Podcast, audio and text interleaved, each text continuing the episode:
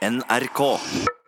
Enkelte svinebønder på Jæren gir blanke i om dyrene lider.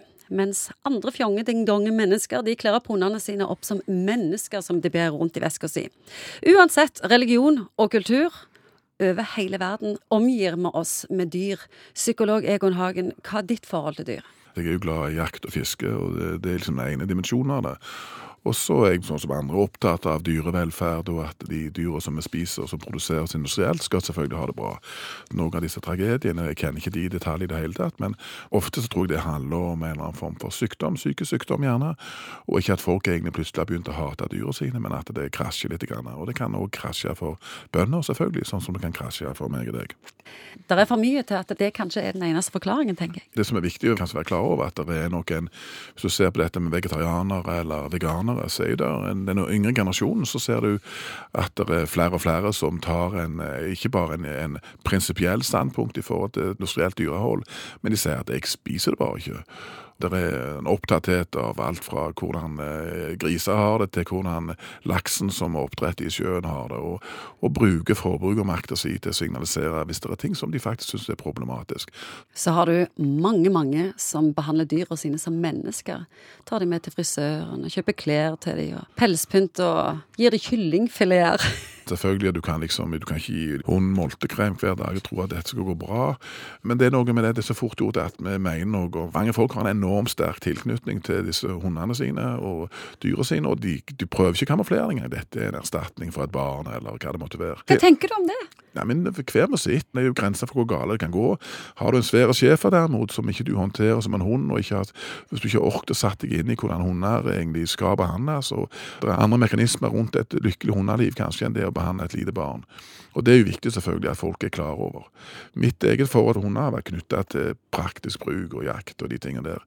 Og Da er det en helt annen måte å tenke på. Da må du virkelig forholde deg til at dette er en hund, og spille på de premissene som styrer en hund. Vi har i Norge ca. en halv million hunder og en halv million katter. Vi har så sterkt forhold til dyr. Hvorfor snakker vi så lite om dette? Det vet jeg ikke. Kanskje er det fordi at folk merker at det å ha en, en katt eller en hund å stryke på, at det er grunnleggende bra. At det er vel noe forskning som viser at det gjør at blodtrykket synker osv. Og, så videre, og, og mange får da en god anledning eller et pressmiddel for at det kommer seg opp av sofaen og går tur med denne lille hunden. Og så er det veldig sterke krefter i denne tilknytning til mange av disse hundene våre. Og jeg vet at mange sier at det største slaget de har hatt, det var faktisk når de måtte ta livet av hunden. Jeg synes også det er interessant at vi er så sykt opptatt av å ikke diskriminere mennesker. Men vi gjør det kjempelett når det kommer til dyr. Det er helt greit å drepe et stygt, ekkelt dyr, men hvis det er et søtt dyr, da er det oppstandelse i Grasrot-Norge. Ja, det er som gamle professor Ursin sa i Bergen, det at det, han hadde funnet ut at det var en sånn indeks som gikk mellom øyestørrelse i forhold til kraniet. Og jo større disse øyene var, jo mer verneverdig var disse dyra.